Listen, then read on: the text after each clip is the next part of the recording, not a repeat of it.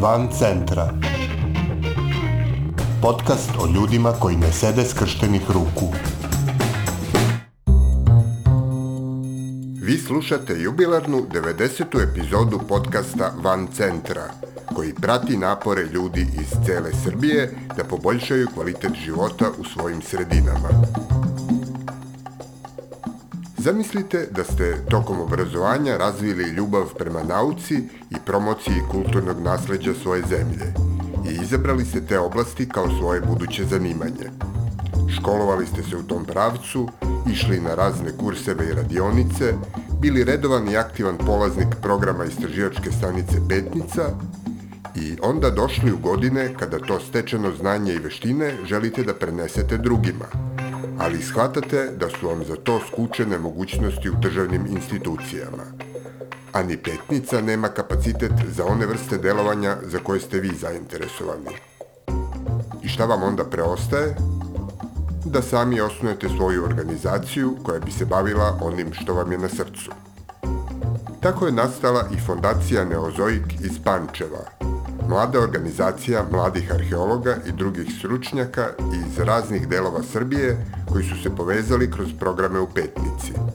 O tome kako je nastala ova organizacija, koja je uloga pandemije u tome i kako decu i mlade zainteresovati za arheologiju i kulturno nasleđe, u ovoj epizodi razgovaramo sa Marijom Krečković-Gavrilović, predsednicom Upravnog odbora Fondacije Neozoik.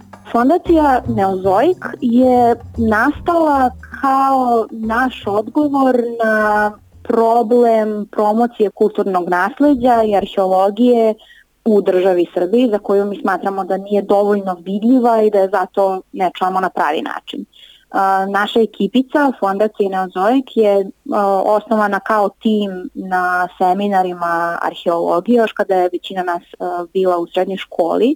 Smo prosto od polaznika postajali mlađi saradnici, onda stručni saradnici, neki su čak i vodili seminar arheologije i uh, kroz različite programe uh, bavili smo se promocijom arheologije i promocijom kulturnog nasleđa.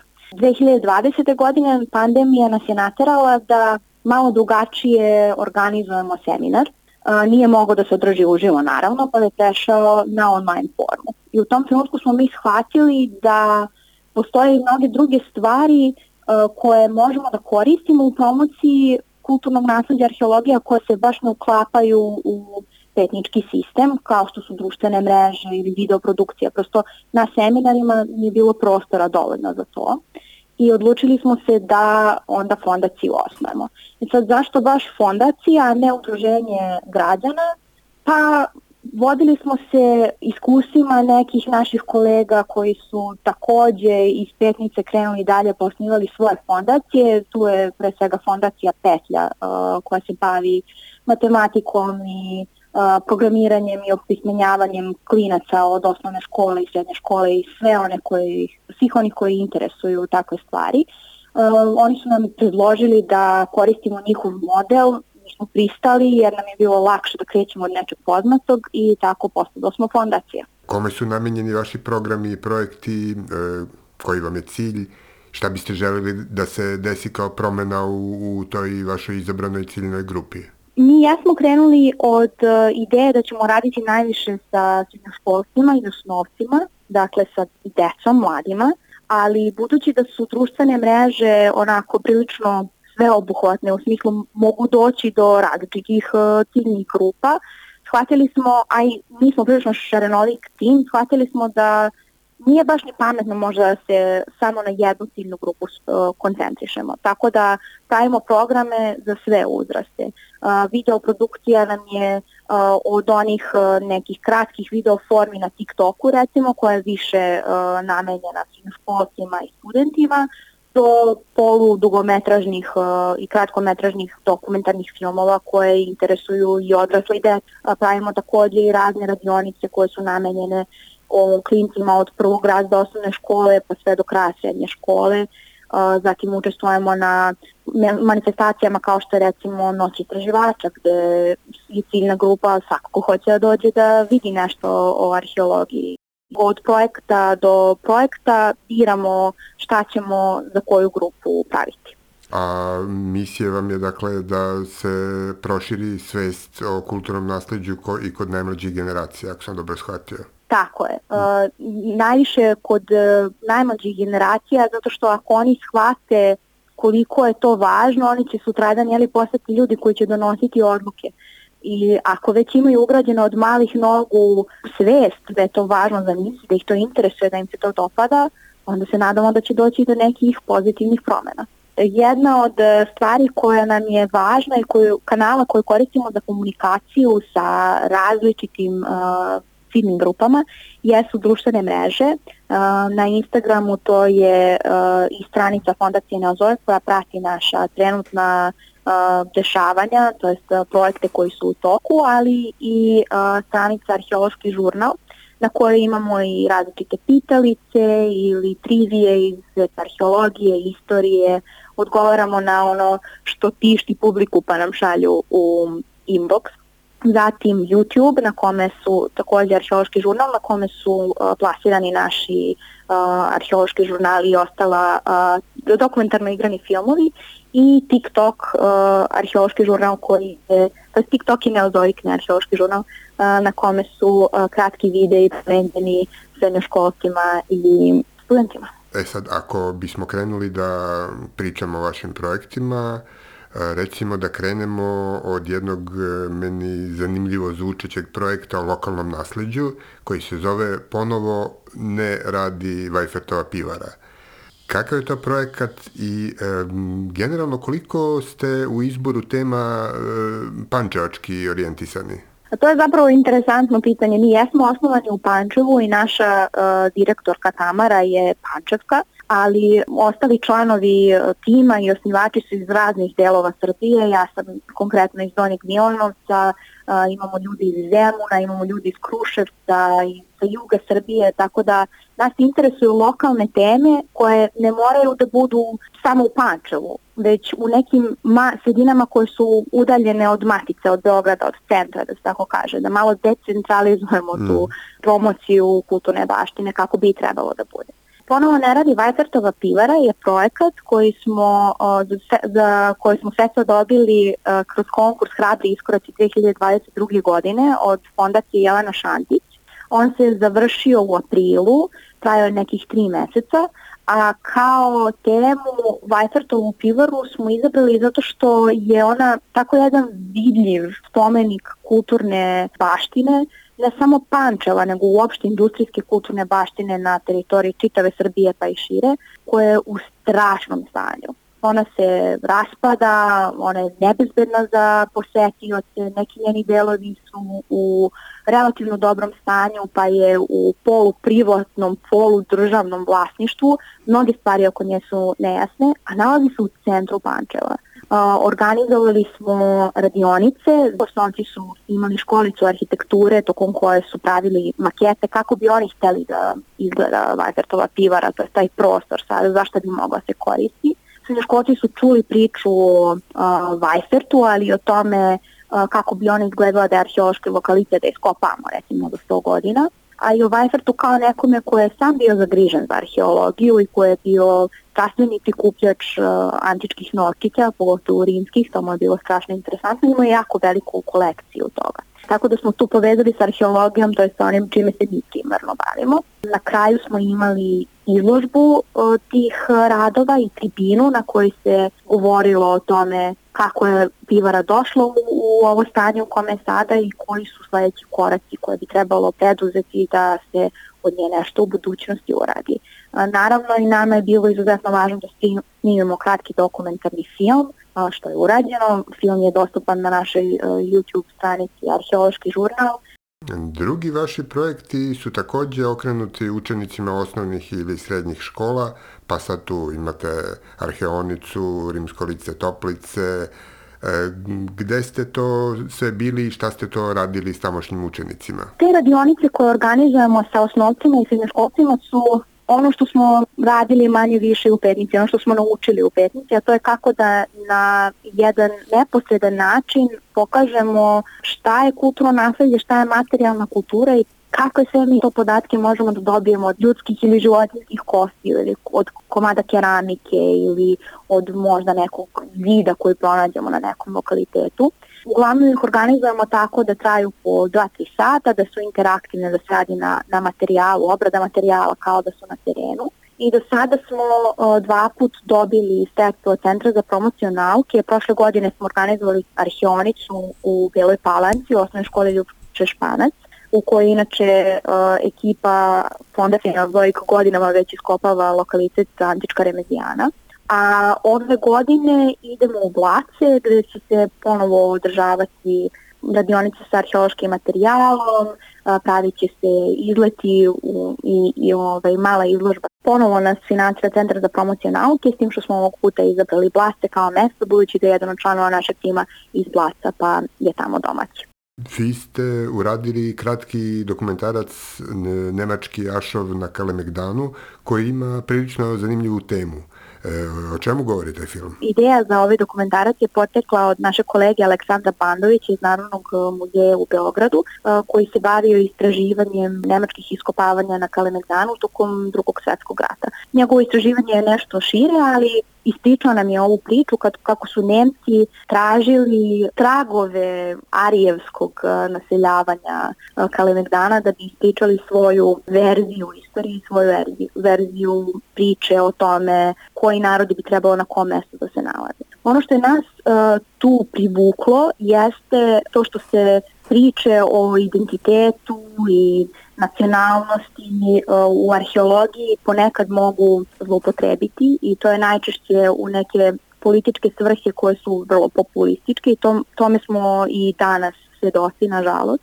A interesantno nam je bilo kako se to vidi na ovom primeru veoma jasno, a lakše je malo sagledati nešto što je istorijski jeli udaljeno. A, tako da smo a, ovog puta više bili istoričari arheologije nego arheolozi, imali intervjue sa različitim e, stručnjacima e, koji se bave tim periodom, što arheolozima, što arhitektama, istoričarima i ovde smo prvi put imali priliku da e, malo pojačamo, malo uozbiljimo pristup našoj videoprodukciji, pa tako imamo i a, naratora i profesionalno snimanje kamerama, profesionalno a, montiranje, sređivanje zvuka i sve ostalo što ide uz a, videoprodukciju, budući da su ovi naši početni arheološki žurnali prilično amaterski snimani telefonima i slušalicama. E kad smo već kod video produkcije, vi na YouTube kanalu Fondacije Neozoik postavljate epizode vašeg arheološkog žurnala. Pa sad e, da ispričate malo slušalcima kakav je to format, koja je koncepcija i kako se snalazite u tome? Arheološki žurnal e, je krenuo pre dve godine. Hteli smo da pravimo prosto video materijal koji bismo puštali našim polaznicima na a, seminarima zapravo između seminara, da imaju nečim još da se bave i da se zanimaju arheologijom i kada nisu u stanici. Krenuli smo tako što smo zamolili svoje kolege koji su na terenima da nam snime kratko, na minut dva, samo svojim sopstvenim mobilnim telefonom, šta su to našli, kako idu istraživanja ili možda ako su otišli na neku konferenciju, gde su bili, o čemu su pričali. U principu hteli smo da pratimo kao neki drugi dnevnik onaj uveče arheološka dešavanja. Budući da imamo sreće da imamo puno prijatelja i kolega koji a, rade i van Srbije, imali smo i neke internacionalne priče. Krenuli smo veoma skromno sa tim snimcima mobilnih telefona koji su bili različitih uh, kvaliteta budući da nismo se mi snimali nego su nam slali ljudi koji su na terenu i onda je Dimitrije koji je jedan od osnivača i koji se veoma zanima za film to sve montirao a Peđa koji nam je bio voditelj, da tako kažem, je snimao sebe poslednji u, u svojoj kući uh, kako kao vodi arheološki žurnal. I taj format je neko vreme uh, bio za nas dovoljan i bio nam je simpatičan, ali smo onda shvatili da nas zapravo više interesuje da pričamo neke duže priče, neke priče koje neće moći da se spakuju samo u dva minuta, nego smo hteli da ispričamo istraživačku priču od početka do kraja. Tako je nastao Kosančićev, to je tajna Kosančićevog venca koja nam je prvi malo duži format je pravljen iz dva dela, Tajna Kosančićevog venca 1 i 2, koja prati jednu priču od početka do kraja, jedna arheološka misterija od A do Š i od tada krećemo sa uh, tim malo širim pričama, pa je tako nastao i film Nemački jašov na Kalemegdanu i uh, film o Vajtortovoj pivari. Počeli smo da učimo stvari, da nabavljamo opremu, da uh, sarađujemo sa ljudima koji se bave videoprodukcijom i koji se bave profesionalno montiranjem i snimanjem koje nam pomažu. S kim kao organizacija sarađujete programski i ko vam pruža podršku? Moram da se zahvalim, mislim, da budem iskren da se zahvalim zaista svim institucijama, muzejima sa kojima smo do sada sarađivali kao što je Muzej Pančevo, Narodni muzej u Beogradu, Muzej u Kikindi, u principu svi e, muzeji E, koje smo pitali za pomoć, da snime kratak video ili da e, rade sa nama na nekim e, radionicama, nas nikada nisu odbili, uvek su nam pronašli rešenje kako da ostvarimo saradnju. Nekako čini mi se da kolege arheolozi koji rade po tim institucijama su željni da vide da se uh, E, želja za arheo, znanjem iz arheologije i o kulturnom nasljeđu prenosi na mlađe generacije. Moram da izdvojim i Narodni muzej u Beogradu e, koji nam je bio e, partner na ove godine na smotri arheološkog filma jer su nam ukazali priliku da organizujemo tribinu na kojoj se govorilo o promociji kulturnog nasleđa. U poslednje vreme smo sarađivali i sa muzejem Stančeva veoma prisno zato što smo radili uh, projekat ponovo ne radi vatrtova pivara. Od ostalih e, ne NGO ili NVO e, drugara, tu su lokalna fondacija Pančevo, zatim studio arhitekture za decu, Lavilet, sa kojima smo radili ponovo ne radi vatrtova pivara projekat, pa u principu to bi bilo to, pošto smo i dalje jako mali, to jest nismo imali još uvek puno projekata, ali nadamo se da ćemo steći još prijatelja i u NGO svetu vi ste registrovani, dakle, evo sad nešto malo više od godinu dana. Pre toga su članovi tima isto imali iskustva sa raznim oblicima naučnog aktivizma. E, kad pogledate unazad e, za ovih godinu dana, e, šta se promenilo u odnosu na period kad ste bili neformalni? Veoma je nezgodan ovaj period sad za donošenje nekih konačan zaključak o tome koliko su se stvari promenile ili ne, budući da samo što smo izašli iz koronskog eh, načina poslovanja, mm. pitanje je koliko smo izašli, pošto ne znamo šta će biti na jesen, jel tako? Tako da i sve dalje većinski online o, ovi projekti kao što su Arheonica ili Vajcetova pivara mogli su da budu održani uživo, ali su uglavnom bili na polju. Moramo da se prilagođavamo prosto situaciji. Ne mogu da kažem da i dalje, smo, i dalje da smo osetili uh, Eh, nekakvu veliku razliku između neformalnog i, i formalnog, jer ovo su stvarno čudna vremena. Ono što nam trenutno jako uh, nedostaje i što nam je plan za budućnost jeste organizovanje tih kampova koji bi trajali duže od radionica koje su od 2-3 sata, dakle da traju po nedelju dana recimo, pa da radimo svih nedelju dana, to je razlika između petnice i, i ovoga sada. Fondacija Neozoik e kuda dalje posle prvih godinu dana, e, osim ovog sa kampovima, da li ima još neki pravac razmišljanja koji vas uče? Pa jedna još od stvari koja nam je važna uh, u fondaciji i u njenom budućem razvoju jeste da uh, pružimo priliku našim mlađim saradnicima koji su studenti trenutno da možda kroz neke projekte koji bi bili veći i dugotrajniji sebi obezbede radno mesto a, jedan od e, velikih problema arheologa danas nije to što nema posla za nas, pošto ima jako puno posla. Svaki put kada se nešto gradi, arheološka ekipa bi trebalo da prođe, da potovo na teritoriji Beograda ili nekih većih gradova gde znamo gde je bilo različitih lokaliteta, nego to što se mi svi zapošljavamo u struci u državnim institucijama i takvih pozicija ima jako malo i jako se dugo čeka na njih pa nam je želja da im obezbedimo neki način da se bave onim što vole, arheologijom, promocijom kulturnog nasleđa, ali da opet mogu i da zarade od toga. E, još uvek smo mali, još uvek su nam projekti kratkotrajni po nekoliko meseci, ali nam je želja da radimo na tome da se to promeni i da u budućnosti možemo da imamo bar nekoliko zaposlenih mladih ljudi koji će se arheologijom i promocijom kulturnog nasleđa baviti na ovaj način. Bila je ovo epizoda Van Centra za 29. jun 2022. godine. Nove priče o ljudima koji ne sede skrštenih ruku moći ćete da čujete u sredu 6. jula. A umeđu vremenu, dok se svet dramatično menja pred našim očima, čuvajte svoj i tuđe živote i ne ćutite pred glupošću i nepravdom.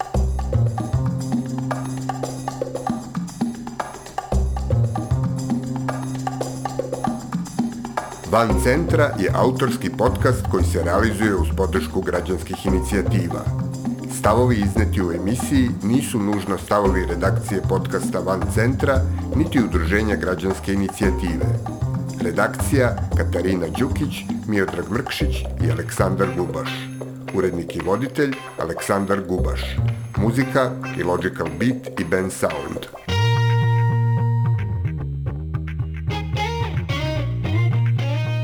Van centra. Podcast o ljudima koji ne sede skrštenih ruku.